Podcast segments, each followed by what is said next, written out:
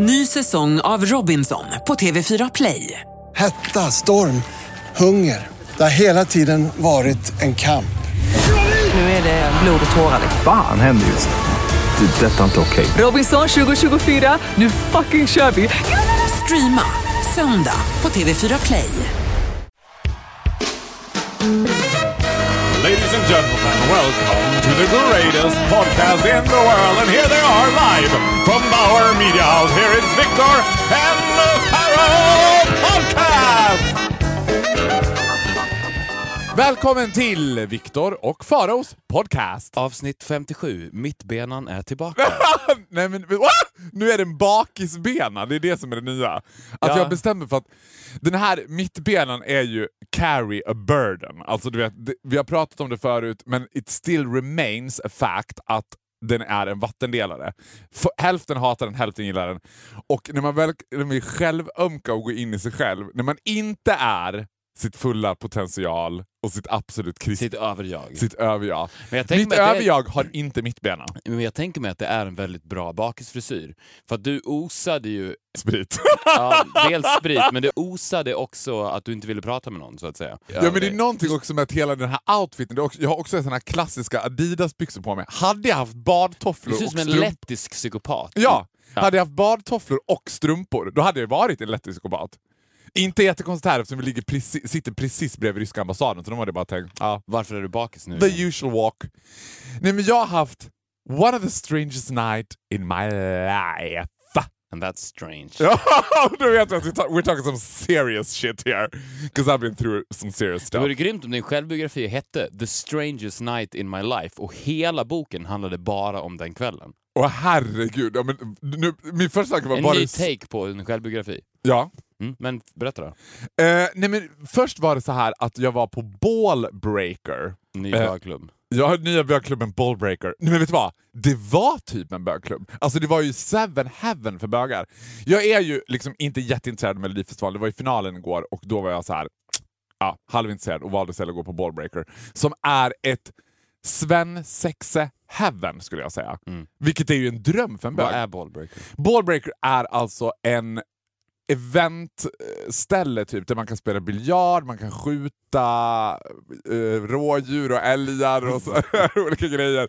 Man kan spela bowling, man kan köra bilsimulator, man kan spela shuffleboard. Bara män! Ja. Nej men alltså jag har aldrig hela mitt liv önskat så mycket att jag vore en 15-årig tjej i en liten sommarklänning som jag gick runt där och var lite för full. Woo! Hello guys! Det var som en hästmarknad, alltså som jag tänker mig så här hästmarknad. Kåta killar. Kåta killar, jävligt vad hemskt, bröligt. Ja. Och det jag tänkte på så här var också, tänk att jobba på Ballbreaker. Alltså tänk att vara en av de här killarna. För man hade ju så här en värd också. En sån där, Tjena, hej! Jesper heter jag och kommer vara en värd idag. Vi ska börja med att spela lite bowling grabbar. Och du vet, det var grabbigt. Också en så här, han kallade oss för så här, min kompis Gustav som aldrig i hela sitt liv har blivit kallad Gurra. Han bara, du Gustav, inte Gurra. Han bara, ah, sorry, sorry. Eh, först, första plats, Gurra! du vet, jag bara, för att det är den grejen de kör. Men all den typen av aktiviteter som män sysslar med, Mm. alltså tävlingar i sig, när de går på tivoli, eller när de spelar fotboll, eller när de är på ballbreaker. Det drivet kommer ju bara från att de är så jävla kåta. Ja! Alltså om alla skulle ha runkat innan så skulle folk vara så här, "Nej, jag orkar inte bry mig. Men de, de, de blir så spända, alltså de... Men varför tror du att det heter Ballbreaker? Exakt.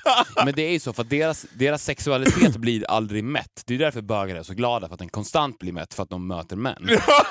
Men de...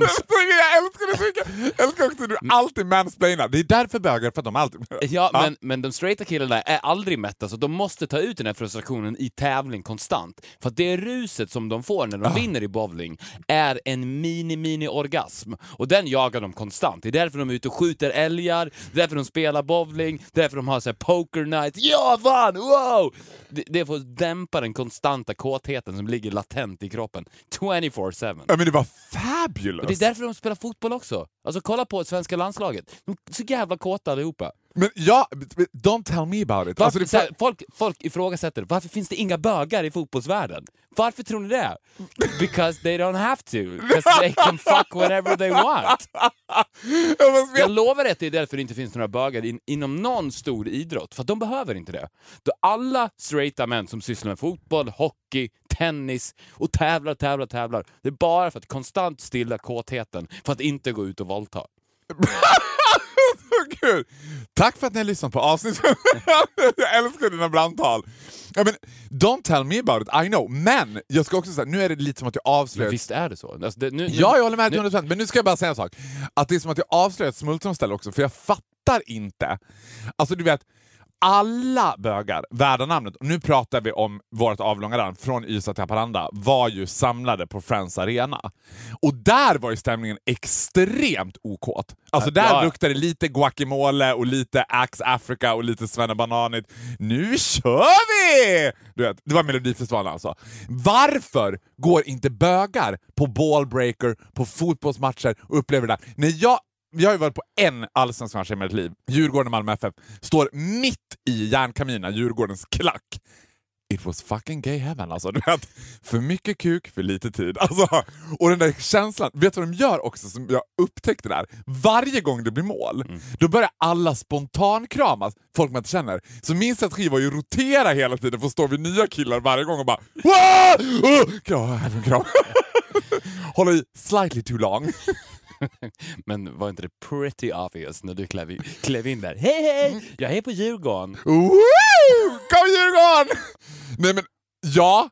Nej men grejen är så här, män i grupp blir ju också hjärndöda, så de lägger inte märke Nej, till sant, en. Man blir helt osynlig. De, alltså, du vet, man skulle kunna tänka sig att det var lite så på ballbreaker också, att de bara vad fan gör han där i mittbena? För jag hade mittbena, alltså eftersom jag visste att jag skulle bli bakis så tänkte jag, jag kör mittbenan liksom 24-7. Det var ingen som ens noterade, I look hardcore super homosexual yesterday. Det var mittbena, det var liksom någon konstig asymmetrisk tröja. They didn't even notice me. Nej. Du vet, det enda som, skulle, som möjligen skulle kunna fånga deras attention var om jag hade haft en liten sommarklänning. Och- sen råkar jag veta att efter det gick du till natten.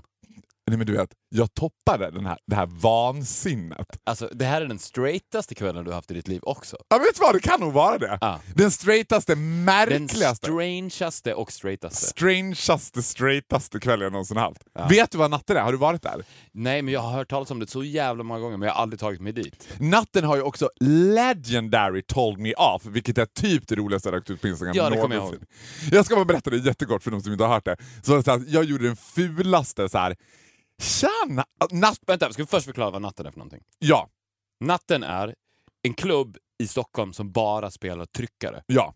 Powerballader. Powerballader och den är gigantic. Alltså det är ju som en sån här en urban myth. Det var som en mindre festival det här stället. Det är liksom, Folk är så här. har du varit på natten? Och så får de Ja, helt jag har hört det. Jag, alltså, jag är inte på något sätt insatt i Stockholms klubbscen överhuvudtaget. Men natten har jag hört så jävla mycket om. För folk bara känner att de måste berätta om natten, som att det är en religiös upplevelse ungefär. Och grejen var, det var det. Det var det otäckaste jag varit med om i hela mitt liv. Alltså det var precis att, du vet den här sekten i Johannesburg som begick massjälvmord.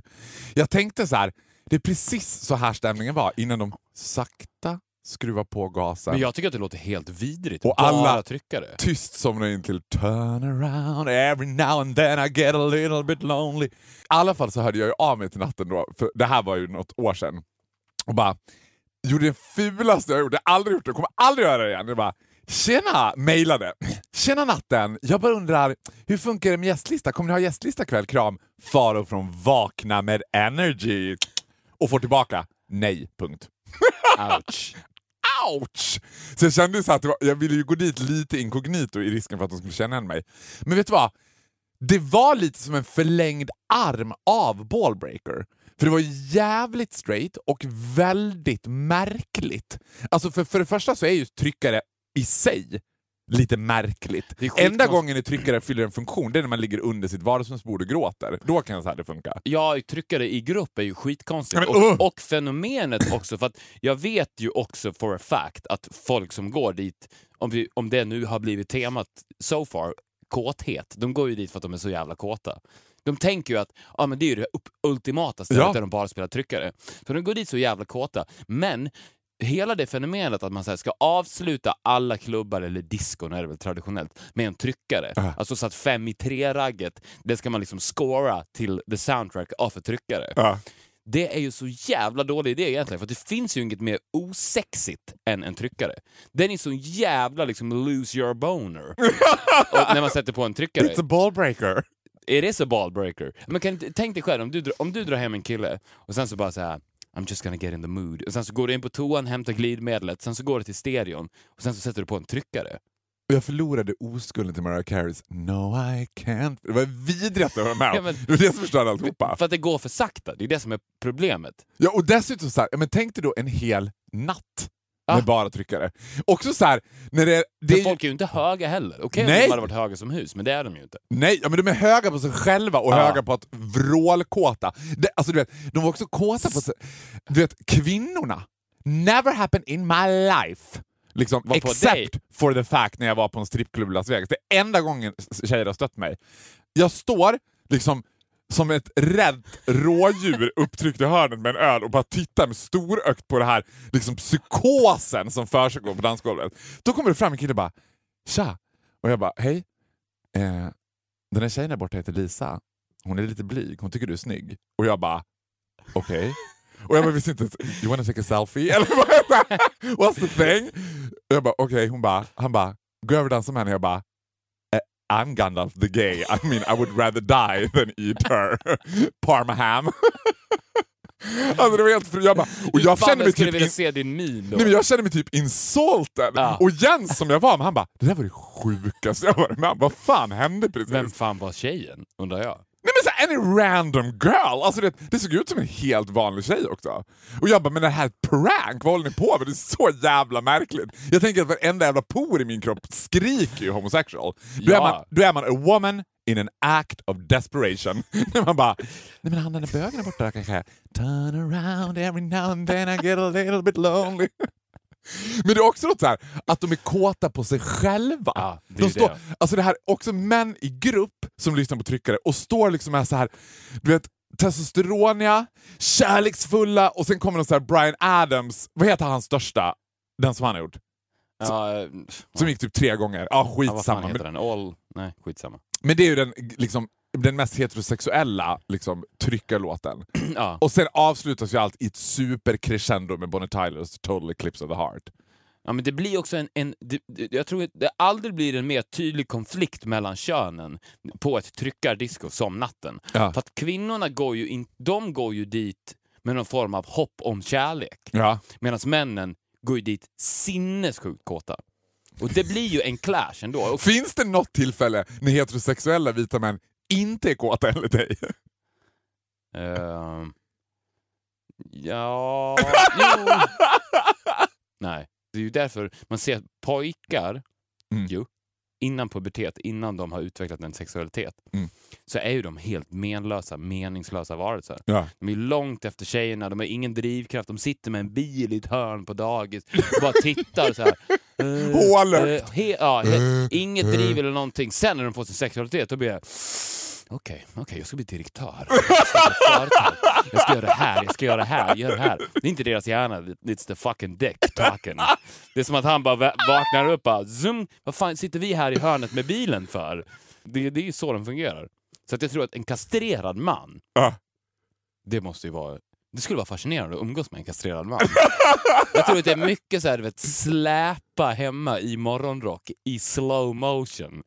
Alltså, en, en kastrerad, att hälsa på hemma hos en kastrerad man. Vet man hör klockan bara, Tack. Tick, tack. och så bara hasa sig fram i morgonrocken. Åh Sen herregud. kolla på klockan. Två. Okej. Nej, Sätter på lite kaffe. Sen bara. Det måste ju vara så. Ah. Det hade varit... I would love to see a documentary about kastrerade män. Ja, I'll be there. Men, men jag måste säga så här, på ett sätt så var det ändå ganska härligt, för det var ju liksom en studie i mänsklighetens förfall. typ på något sätt. Ja. För, för det, alltså, he, hela kvällen var ju, gick ju i samma anda och i samma linje. Och det var ju så här, men precis som du säger, jag är verkligen inte pro-drugs. Det är jag verkligen inte, för jag tycker bara det är pff, eh, onödigt. Där var enda gången jag tänkte så här, ja, jag kan förstå det här, precis som du säger, om folk hade varit höga. Mm. Men det var de ju i och för sig på sätt och vis på sig Nu, själva. kommer, nu fick jag en epiphany, som du skulle ha sagt. Där har vi ett tillfälle då män inte behöver vara kåta, när de är höga. Men hur hade natten varit om det bara var kastrerade män här? Då hade det Ja, verkligen... men det hade made sense. För, att, för att det, en tryckare är ju, som, vi pratade om tidigare, den mest osexuella musiken som finns. Mm. Det är ju egentligen ett soundtrack till en kastrerad mans liv, är ju tryckaren. När man, där, ding, När man hör- När man, shh, shh, när man hör det, ding dong, plingar på, så plingar på hemma så, så, och hör tick-tack, tick-tack, så hör man ju på, på stereon där var. Men det är ganska låg volym, tänker Ja, det är jag. låg volym. Every now and then I tick tack. Get a little bit lonely and you never na, na, na, na, na, turn around. Nej gud vad hemskt. Usch. Usch. Nu fick jag en annan så här tanke. Det som händer när man är bakis, när man ligger i sitt grävlingsgryt som jag gör. För jag gillar ju också att embracea min bakishet. Jag skaffar bakisbenan, Ja. jag ligger i sängen, neddraget, liksom paralyserad i horisontalläge. Så börjar man ju slötitta på TV. Och då såg jag typ det sjukaste programmet jag sett som hette När allting vänder. Som är så här, alltså, och jag tänkte så mycket på det, för jag tänkte att du skulle tycka att det var skräcken. SVT-produktion Mm. som handlar om någon sån här... Hon är, jag kommer fan inte ihåg vad hon heter, men det spelar ingen roll. En kvinna som åker runt och träffar folk som har varit med om något fruktansvärt Ja, och sett livet har tagit en vändning. Nu åkte hon och träffade Iprenmannen. ja! Alltså det en halvtimmes dokumentär om Iprenmannen. Och om, du menar, han var ju, varför var inte han med i Vad hände sen min vän? Det känns som att honom glömde vi bort totalt. han hade varit Nu bra. fick vi veta. Och det var det så här om de fruktansvärda liksom, medicinska experimenten som han var med om under sin barndom i Österrike och jag bara åh herregud. Där var, han blev ju typ kastrerad. Nej men gud, han blev ju typ Nej, är det sant? Ja! Men gud nu tänker jag nu, bara, men gud, nu fick jag upplevelse. Ja! Han är kastrerad Han, alltså? Typ, han pratar jättemycket om sin, alltså, de här ex, eh, medicinska experimenten gör att han har ingen sexualitet. Och där var det! Där. Ja, för han är ju så. Tryckare. Alltså det var, ja, och det var också en tryckt stämning hemma hos Iprenmannen. Det var inte happy clappy. Det var liksom så märkligt. Det var precis vad man inte ska kolla på när man är bakis. Men nu bara swishar vi om, för jag har ju också, jag, måste, jag vill prata om förelämnare för att slu, stänga boken för i år. Vi går in i en ny tidsera nu när Melodifestivalen är över. Och jag fattar inte, jag har inte följt Melodifestivalen, men jag fattar inte den här grejen med Frans. Det är som att svenska folket har gått in i en masspsykos. Alltså jag läste nu, råkade jag, när jag låg där i sängen och mm. slöskrollade på Instagram, så kom jag över Charlotte Perrellis Instagram, när hon var helt eld och lågor över den här Frans. Och hon har också blivit citerad i Expressen. Det står så här, Charlotte Perrellis hårda dom. Frans, vi har ingen chans i Eurovision. Och Charlotte Perrelli var så kränkt över det här felciterandet. För det hon menar var att i, through liksom history av Melodifestivalen, för alla som gillar Melodifestivalen och Eurovision älskar att prata om det också i akademiska termer, som att det är så här. börjar vi trea från slutet så är ju chansen störst att vi historiskt... Så. Och då sa hon så här, det är inte så stor chans att vi vinner För att Måns Zelmerlöw vann. Ja, vi har ingen chans att vinna två år i rad. Det händer Nej. typ aldrig. Och då har, har, liksom, har hon sagt det där. Och det är som att Charlotte Perrelli i sekunden hon ser det där Expressen inser att hon är på göra sig ovän med hela svenska folket. För if you say something bad about France, they will fucking haunt you down. Men jag tyckte också att France, eh, ska vi- kalla honom för France! France, ja men jag tänkte också direkt på dig. Så Varför då? För jag ska förklara dig. Direkt när jag såg honom, aha, Faruk fattar, kommer inte fatta Frans, eller Frans. Faruk kommer inte fatta Frans, han är inte en twink. Han går inte hem hos bögarna. I Nej men vet du vad, kan jag bara få säga en sak? Ja. Alltså jag, jag tror att nivån av hur mycket jag älskar dig vet inga gränser. Du är, alltså, du är beyond street smart. Alltså när man är beyond beyond. Du fattar ju mig slightly bättre än jag fattar mig själv. Det är ju exakt... Ja. Ja. men, jag fattar att de flesta skulle läsa det som att här, Frans, twink, the gays loves him. ja, Not at all. We don't. he got no G-factor. Alltså du vet, jag tar chansen att göra movie med det svenska folket. I don't like him, I don't get him. I think Nej. he's boring, I think the song is... Han står i någon sån där liksom Jack and Jones cardigan och bara... jag bara, vad är det här? Det är så märkligt. Explain to me why. Det är, jag vet inte vad det är med söta killar. För att han är ju inte snygg, han är ju söt. Ja! It's a child! Men It's usually... Men vet du vad jag tror att det kan vara? För att, för att män överlag är ju liksom kind of gross. Och kvinnor och tjejer vet om det här också någonstans innerst inne. Det är därför de, de kan tycka att Måns Zelmerlöw-figurer är snygga och sådär. Men det är samtidigt någonting... Men Måns Zelmerlöw är ju också att han signalerar badass. Man gillar ja, att han eller är såhär... Ja, men precis. Han, han är lite motbjudande. Men när det kommer en, en tryckarkille, kastre, han har en kastrerad vibe, Frans. Väldigt lite sexappeal, alltså bara söt och man. Det är den kombinationen, för att man växer ju upp in i ett samhälle där man ska idolisera män. Ja. Det gör ju alla flickor, ja, även killar också. För att det är så vårt samhälle, hur sjukt det än kan vara, det är så det är uppbyggt. Och när det då poppar upp en sån här figur som landar liksom i det här härliga som kvinnor har. Mm. Med det söta, harmlösa, okåta som Fran Frans har. Men samtidigt är man Ja. slash pojke. Då är det, det spelar ingen roll vad han säger eller sjunger. Alltså hans utseende träffar så jävla rakt i mitten på darttavlan som är det här som jag precis förklarade. Ja. Och jag tror att det är därför alla, alltså jag tror att hur många var, hur, jag såg det inte heller, men hur, han vann ganska rejält va? Vad jag förstod Ja, det var ingen... Jo, det var, alltså, My boyfriend, Oscar Sia, kom ju tvåa. Ja, det vet jag. Jag tror att Och det var inte 99 procent av de som röstade på Frans var kvinnor. Ja, who else? Who else? Ja. Och 99% av de som röstade på Oscar Sia var bögar. Ja, För att Oscar, men, men grejen är att throughout history of mankind så har ju alltid bögar alltid älskat barn. Eller så här unga killar. Men precis som du säger, det är också någonting med att han, han har absolut noll sexappeal. Noll. Och alltså så här, för, Ja. f- förlåt vill jag nästan säga, för det här känns som en helgdom. Det känns som att jag häcklar påven i Rom nu. För att det är någonting absurt, håll med om det här, att det har blivit en så här jätte en oproportionerligt stor grej kring den här Frans. Som att alla är helt galna i Frans. Men- Och att, jag menar, att Charlotte Perrelli aldrig varit så kränkt i hela sitt liv som när de felciterar. Jag menar, men, herregud. men vänta nu, vänta nu, vänta nu. Stop, stop, stop. Detta gäller väl endast mellanstadietjejer, eller? No, it does not. That is the scary thing. Va? Han har ju någon sorts milf-grej över sig också. Det, det är ju så här, medelålders kvinnor också som tycker att han är Ew. så... Lena PH liksom. Åh gud! Ja!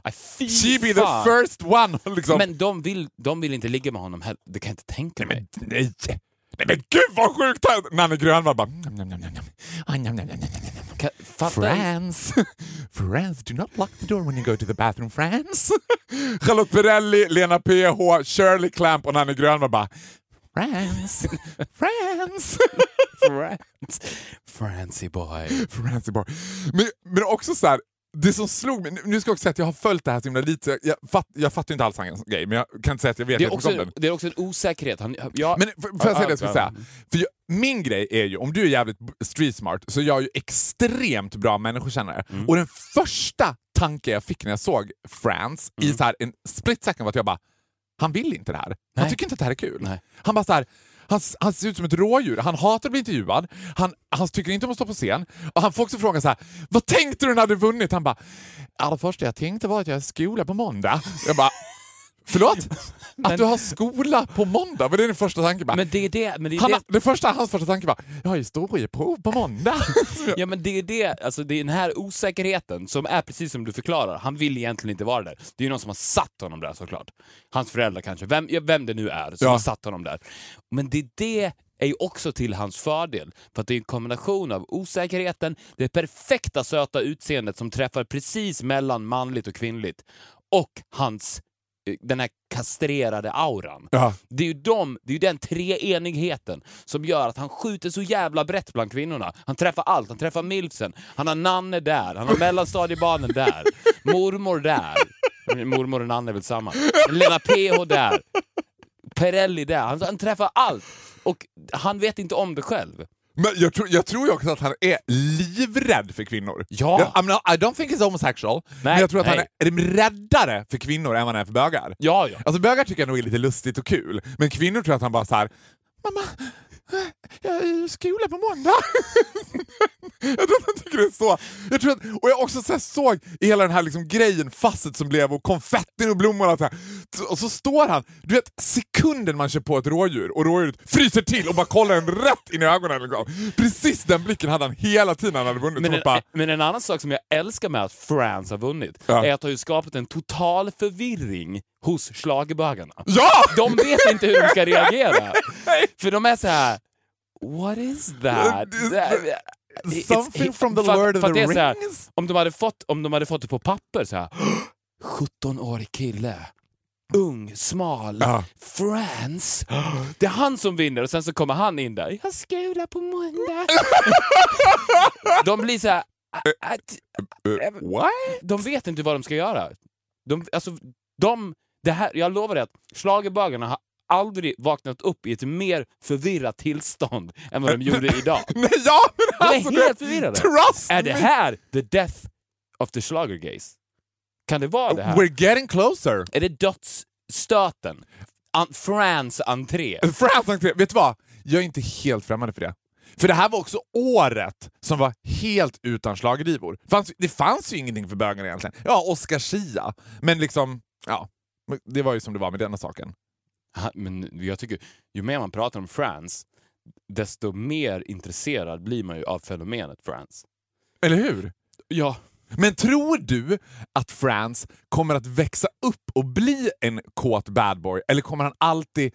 Är det bara att när tiden hinner ikapp honom så kommer han att bara Oh, I can take advantage of this. Eller kommer han alltid vara så här Jag tycker det här är obehagligt. Jag tror att om tio år när man ringer på hos France, ding dong, så hör man bara shh. Turn around every now and then I get a little bit lonely. och där inne också sitter Charlotte Perrelli och kardar sin peruk och bara Ja, jag och Frans har ju flyttat ihop nu ur den Skåne. ja, men det var så... Men en annan märklig sak måste jag fråga dig. Jag fick också en så här ful känsla i kroppen. Alltså typ som en svart hål av I don't know why. Det jag hoppades att Oscar Sia inte skulle vinna. Det var jätte... God I know he's listening. Jag vet inte varför jag hoppades det. Men det var också så här att jag senaste veckan, inte ett ont anande, ligger och liksom scrollar igenom mitt Instagramflöde som man gör, upptäcker Han slutar följa dig. Nej, nej, nej. He's on it. Men Oscar Sia aspirerar ju på exakt samma utrymme som mig. Plötsligt ser jag honom, kanske på en bild med Kristin Kaspersen. Alla är så här, underbara Oscar! Alltid lika roligt när Oscar är med i studion och jag bara, oh oh. Han har också kommit ut och blivit Camp as Christmas och typ den härligaste bögen i Sverige. Kommer du ihåg när vi har pratat om det? Det finns inga kända unga bögar. Nej. Now we have one and I fucking hate it! Alltså jag är livrädd. Jag bara, nej men han kommer, det är en tidsfråga innan... Min Ja, skräck han, är att jag ska... han är lite rolig också, Ja. eller hur? Ja. Han, men, och grejen är, han är rolig. Och han är lite så här, han har ganska mycket energi, han är så lite perky. Nej, han, jag, jag lyssnade faktiskt på när han var med i Ihop med Josefin. ja. Jag måste säga. Nej sluta! Don't say it! I don't wanna know! Nej, men jag tänkte... Du måste säga vad? Ah, Säg det! witty boy. Nej! Pretty good. Nej! Nej, men Alltså- jag, blev, jag, jag, visste, jag visste ingenting, jag hade aldrig hört en intervju med honom någonting. Pretty smart. Pretty witty. Han är pretty smart, he's pretty witty. Ja. Alltså är det nu jag liksom mantlar av? Är det nu så här som det sker ett trosskifte liksom? Nej. He ain't got nothing on you. Ja, men, han har, men håll med om att, för att William Spets, det här andra liksom, Youtube-fenomenet, Ja. som ändå var programledare och har fått superkritikerrosa. De har tyckt att han var helt fantastisk. Vad var han programledare för? Melodifestivalen. Aha. Han ledde finalen. Vet du att jag har hört en låt av de som var med i finalen? Vilken då? Bada nakna. Också, jag måste bara säga en De sak. kom sist. De var absolut sist. Och jag måste säga så här, ingen summerade hela den här karusellen bättre än my beloved fan Samir Badran som la ut på Instagram så här. Skönt att den här jävla grejen är över. Ja, men jag säger det. Men France... jag älskar också att här, skönt att den här jävla grejen, alltså du vet Melodifestivalen för dem är ju verkligen en jävla grej, Samir och Viktor. Ja, Eller men- ja, men- Viktor loves it! Och Samir bara, vad fan gör vi det här för? Har det någonsin funnits en mer anonym kille i en duo än Viktor i Samir och Viktor? Nej det har det verkligen inte gjort! Alltså, han står bara där bredvid och ler. jag vet. Alltså, ett Samir Badrands show är det ju.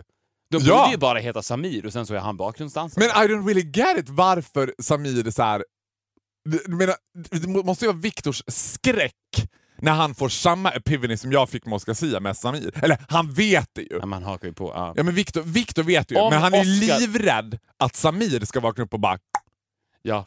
Alltså vad fan är jag med den där killen för? Och bara kör sin egna race. Då är han rökt. Då är Viktor borta. Men usch, nu skrämmer upp Nu började jag svettas. här. Behöver jag oroa mig för Oscar Nej, det behöver du inte göra. Min skräck är att jag ska komma in på Energy på måndag och de ska bara eh, “Vi håller på att testa en ny grann för oss, så att du, ta sovmorgon. Vet du vad, du behöver inte komma in.” Jag tror inte att han har det drivet du har heller. Sen så får du komma ihåg att du har, du har ju också, alltså han har ju en, vilket är till din fördel. Men, men ska, jag säga vad det var, ska jag säga vad det var som var spiken i kistan? Ja. Det var jag såg han var med på Nyhetsmorgon. Mm. Och då har en av de här liksom, studie, s- vet, studiovärdinnorna, eller vad man säger, som också jobbade på Vardagspuls, som loves me. Då har hon lagt ut en bild på Oscar Zia när han står och är lite perky witty och sköter kameran. Haha, kolla på mig, jag är en kul kille. Exakt samma bild Stole tog hon för act. ett år sedan på moi. När jag såg det jag bara Oh my god. Oh my god. It's happening! jag Jag tror, inte, jag tror inte du behöver vara orolig. Nej, jag hoppas verkligen inte det. Oscar Nej. Sia, nu riktar jag mig till dig. Fortsätt med musiken istället så kan jag vara rolig. Vi kan dela på det här. Problemet är att jag tror att han har en större potential som komiker. Jag vet också det, att han har det. Det är jag livrädd för. Men alltså musiken jag känns ju... tror inte att han själv fattar det. Och det är det som är tur för dig, för att du vet det. Jag vet att du tidigt, när du och jag träffades 1999, hade artistiska drömmar också. Ja. Men de dödade du ganska snabbt och blev helt... De dödade du ganska snabbt. Jag var med. Ja, ja, visst. Men, så att, och du blev helt fokuserad på att istället bli ett fenomen. Ja. Som, du sen, som du sen blev. Vad ska du bli när du blir stor? Eh, Jag ska bli ett fenomen. Va? Eh, fenomen? Ja, som en legend? Nej, eh, fenomen mer, tänker jag. Ja, jag håller med dig. Och grejen är så att, fast jag tänker att så här, det kommer komma en tid när ska se inse, för den där musikgrejen han gör, han är ju duktig liksom.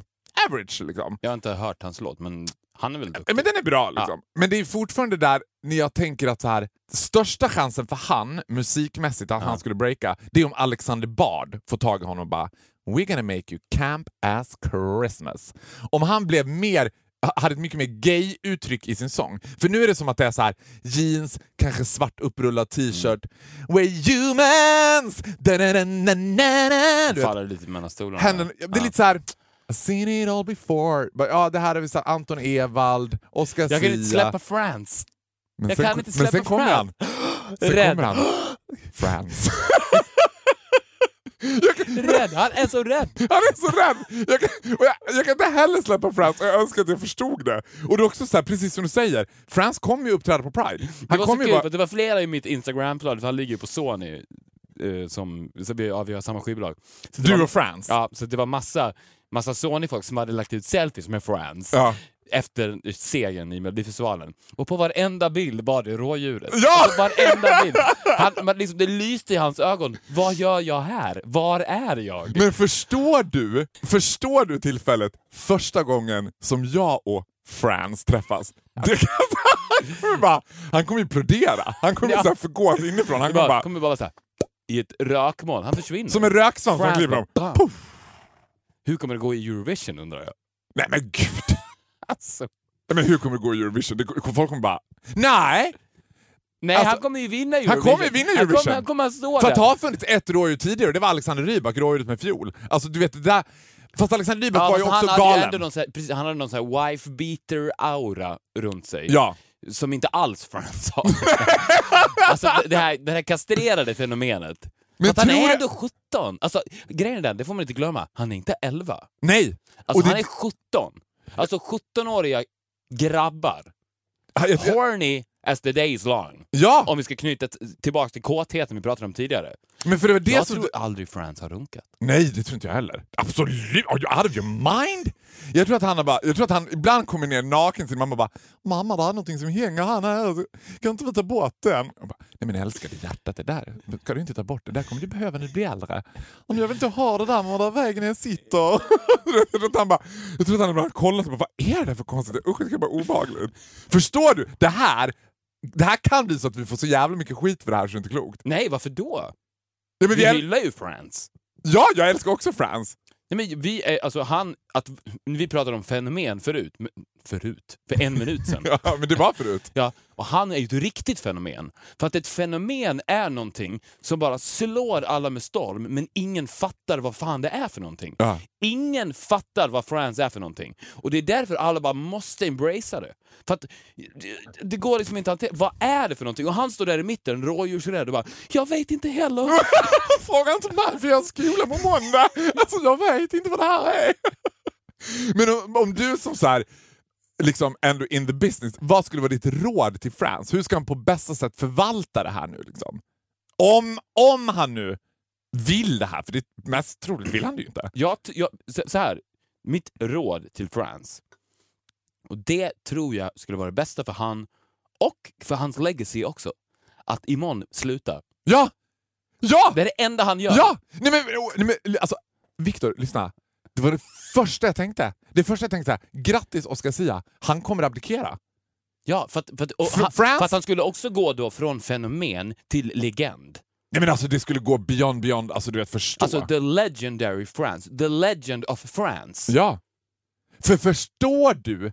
Alltså, hade Oscar Sia vunnit så hade han legat nu och sprutrunkat hela dagen idag och tänkt på när Eurovision-veckan sätter igång Ja. och alla pressmöten och alla access to all areas och alla killar han kommer Ja, få knulla bara för att han viftar med de där liksom, free access-passen. France, han tänker bara så här: nej, nej men det går inte. Jag vill inte vara i Stockholm. Vad o- vad obehagligt. Usch, nu kommer den där Edward Selén och ringa igen. Och nej, nej, nej, jag vill inte det här.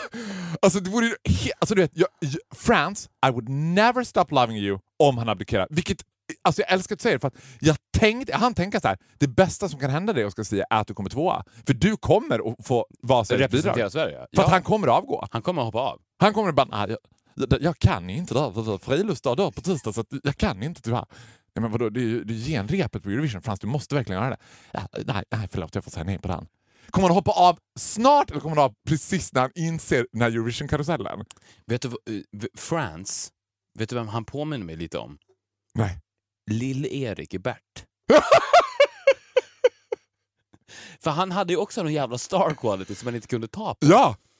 Jag kommer ihåg den scenen i Bert, när Klimpen, de har skrämt upp Klimpen om att Stor-Erik ska börja i klassen. ja. Och han är livrädd. Ja! Nu, ska det slut, nu är det slut på all mobbing Klimpen, Stor-Erik kommer. Sen så knackar det. Och på- alla sitter och Stor-Erik, Stor-Erik, Och sen så knackar det på dörren Ja. och sen så tittar Lill-Erik ut. Ja. Precis så kommer det ju vara. Eller så På var. Eurovision. Eurovision. Att han öppnar dörren på glänt och sen så... För att, för att de kommer ju hypa upp honom så här. France kommer, Big France! Ja. You have no chance, you don't know what we got! Så. You have no Han- chance for France! Vi har Sverige, alltså, det här är Sveriges största fenomen sen ABBA, Ted Gärdestad. Ni har inte en chans! Ja. Och sen så bara... Melodi nummer 12, Och sen så hör, och sen France! så hör man dörren bara... Och sen så tittar han ut där med rådjursrädda ögon och bara... Lill, Erik, Lill, Erik, Lill, Erik! Åh nej, man älskar ju Frans! Nu, France. Frans, nu har vi också hamnat i det träsket att vi älskar honom. Jag åkte buss häromdagen med några kompisar. Mm. Sen så kom Gud vi... vad det lät som en ungdomsgrej när man åker buss med några kompisar. Like France. I'm young. I go on the bus with my friends. With your I'm friends. cool like that. Jag och Frans, jag och Frans eh, tog bussen häromdagen. Mm. Och då kom det in några Östermalmskärringar och vi satt, vi satt ner, det var en ganska full buss. Och sen så sa de, gick de direkt fram mot oss och sa så här, ja, ungdomar nu får ni stå upp. Och sen så bad de oss att stå upp och så skulle de ta våra platser. Och jag tänkte på det fenomenet, det är ju helt sjukt egentligen. För att jag blev jävligt provocerad. Jag ville bara sitta kvar. De- Dels var jag rätt trött, men jag tänkte också säga, vad fan ska jag ställa mig upp för dem för? För att det är ju faktiskt så. Och det, det här kommer ju från tradition, en hövlighet om att man ska ge plats åt dem eller att de ska få sitta ner. Ja. Men det är egentligen helt fel. Det borde vara tvärtom. För att sitta är ju jättefarligt. Sitta är det nya röka. Ja. Det, alltså, det finns tydlig forskning som tyder på att sitta för mycket skadar kroppen nästan lika mycket som att röka cigaretter. Och om du frågar en läkare så här, är det bättre att en 17-åring röker än att en 85-åring röker? Det är bättre om 17-åringen röker. Så det betyder ju att de gamla borde ju stå på bussen ur ett hälsoperspektiv och de unga sitta ner. Så att Du skulle egentligen ha jag... rest dig upp och gett henne ett paket cigg också. Ja, you might as well bitch. Ja, you might as well enjoy the rest of your short life. Ja, men för att jag tycker verkligen att man i samhället borde informera om det här. för att jag är trött på att gamlingar kommer fram till mig på tunnelbanor eller på bussar och säger åt mig att jag ska ställa mig upp. Och Men händer det ofta? För jag tänker, with your evil resting face, I mean they're playing with fire om de går My fram. evil resting face biter inte på de äldre har jag märkt. Är det sant? Nej, det gör inte det. Det, det finns någon gräns, jag tror att det är så här 50 och neråt. D- då biter det. Men jag tänker att de också är liksom indoktrinerade att vara rädda hela tiden, eller att de tänker så här, och ser de dig Inte då? stockholmare. De, Nej. nej, de är inte rädda för någonting. Speciellt Men det- inte Jag tänkte Östermalmskärringar. precis, precis framförallt inte Östermalmskärringar. Nej, Östermalmskärringar. nej, det är bara så här, alltså, det var nästan som att de, de bara vinkade lite med handen. Ja. Så här, upp med dig pojk. Ursäkta. Upp med dig pojk, jag ska, jag ska sitta här. Ja. Nästa gång du åker buss, lova att du går fram till första bästa Ja, Östermalmskärring och och bara, bara, ursäkta, res på dig. res på dig gumman, här vill jag sitta. Nu får du resa på det lilla hjärtat. men jag, jag, vet, du vad, kommer men vet du vad jag ska göra? Nej. Det tänker jag fan göra. Jag tänker ta fram den här vetenskapliga artikeln Mm. som heter i stil med “Sitta är det, Det nya, nya röka”. Printscreena den och sen så bara “Nej, tant, det är du som ska stå”. ja, jag älskar det. Och gud, du borde bli anställd som white man splaining på kollektivtrafiken. De borde ju ha, SL Ursäkta, ha... ställ upp, ställ upp, upp, upp, upp, upp, upp. ställ upp, ställ upp. Ställ upp. Ja, Gäller samma gravida kvinnor? Jag värnar ju om folkhälsan. Ja, Att sitta är det nya röka. För det röka är inte det nya röka längre eftersom folk inte röker längre. Så att, röka är ju det konstigaste du kan göra idag. ja, det är jättekonstigt. Det, det, det, alltså det är en sån liten subkultur nu för tiden så det är inte ens värt att ta upp det. Alltså jag är ju Men- besatt av tanken på att jag någon gång ska tända en cigarett inomhus. Alltså då stå på ICA och bara tända en cigg. De hade ju skjutit den. Alltså de hade varit såhär, det här är nödslaktat den. Ja, Du vet, det var typ 20 år sedan, då fick, rökte man överallt. Nu är det som att så här, det går beyond märklighet. Folk skulle inte kunna hantera det. What? Vad gör han? Skulle jag ställa mig och kissa på ICA hade ingen bara, ah, men gud vad håller han på med? Det är inte så konstigt. Men ta en cigg. ja. Eller på bussen. Men gäller det samma för gravida kvinnor? Mm. Finns det någon som har mer rättighet att sitta än dig? Jag tycker, ja men unga. Så när det kommer till ett barn och bara “akta på dig farbror, jag vill sitta”. Jo, jo men de är yngre än mig. Då ska de sitta. Ja. För att så är det ju, att ju yngre du är, för då har du ändå tid på dig att reparera din kropp. Om de här gamla Östermalmskärringarna, tickande strokes, de röker ju säkert också, fortfarande. de måste ju stå upp. De står ju aldrig. Ja. De lagar ju inte sin egen mat, de gör inget, det enda de gör är att sitta. Mm. Sen så ska de ta bussen till Östermalmshallen, köpa någon filé och sen hem igen. Mm. Då får de för fan göra det stående. Jag tycker SL borde införa kontrollanter som bara app, app, app, app, app, app, app, tant. Ställ dig upp, ställ dig upp, ge plats åt en ung. det hade varit obetalbart. Ja. Eller att man fick, för jag blev, jag blev provocerad, det måste jag erkänna. Och det kan ju, man kan ju tycka att det är kontroversiellt, men jag blev jävligt provocerad. Mm. Jag tycker också det är vidrigt när folk bara reser sig när det kommer en gamling. Bara säger ja men ta den här platsen. ja. Alltså utan att de ens har frågat. Men överhuvudtaget så är det så här. Alltså överhuvudtaget så är det att folk som säger åt en när det än är, det är det värsta som finns. Om det inte är en, liksom, någonting som är befogat. Ja. Någon ska bara, där kan du inte stå, där kan du inte så här. Det är ju en, alltså, Östermalmskärringar i all ära, men Östermalmsgubbar är ännu värre. Ja, såklart. Alltså äldre män, det är en utdömd... Alltså äldre, nu pratar jag plus 70 liksom. Mm. Sura, de är konstant sura och de är konstant så här. Du vet, det var någon som sa åt mig på gymmet bara "Död! Ursäkta mig, skogränsen är där borta, ta hänsyn till det. Och, jag, och då tänkte jag så här, kommer han hem nu och lägger sig i sängen och tänkte ah, jag gjorde god, dagens goda gärning idag. Jag förklarar ändå vad, hur samhället ligger till. Jag var tvungen att säga åt den Nej, fy pojkpappen. fan. Fan. De är vidriga. De är vidriga. Starta Mind your own anarki. fucking business. Mind your own fucking business, starta anarki. Och tack för att ni har lyssnat på avsnitt 57. 57.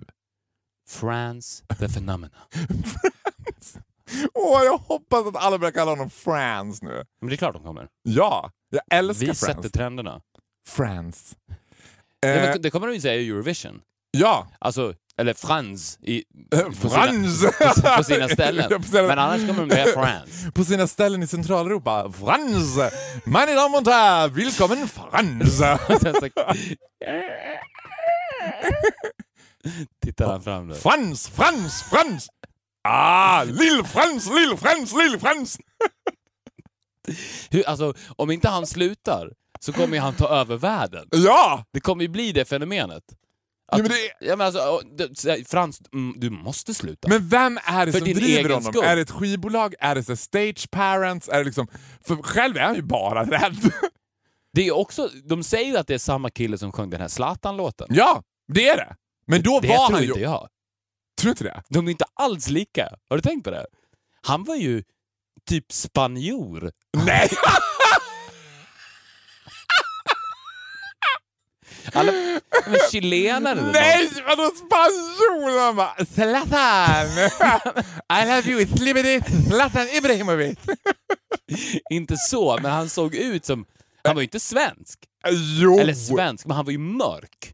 Men han var väl lite solkysst. Nej men gud, do your liksom research. Det Kolla är, inte, sa- det, är, det är inte Frans, för den killen hade swag. Alltså Lill-Frans. Hette inte han Elias förresten? Ja, men det heter Elias featuring France. Featuring. Featuring, vad sa jag då? Ja, men det är ju det. Det var ju lillkillen som var Elias. Featuring. Frans s- satt ju bara livrädd bakom pianot på den låten. Det är också en missuppfattning. Folk tror att det var han lilla charmiga spanjoren som sjöng. Att det är nya Frans i Eurovision. Men då var han ju också typ två år eller något. France. Eller Elias, eller vem det nu än var. Men jag tror inte att det är samma kille. Nej, det tror inte jag heller. Nej. För jag tror alltid på allt du säger. jag tror bara på dig. And look at me! Oscar Sia, look at me! Yes. Följ oss på Instagram, Viktor eh, understreck Norén och Farao Groth. Och glöm inte att ni kan mejla oss också och det kan ni göra på Viktor och faro at gmail.com. Tack som fan för alla mejl. Tack för alla ni som mejlar och säger att de har sträcklyssnat på podden. Så jävla kul att de gör det, tycker jag. Och allra helst till de som sträcklyssnar om den. Tell me about it. Those are the one we love the most. We love our fans so much. More than we love friends. friends, friends, friends! Ja, vi hörs då. Vi gör det. Hej. Hej.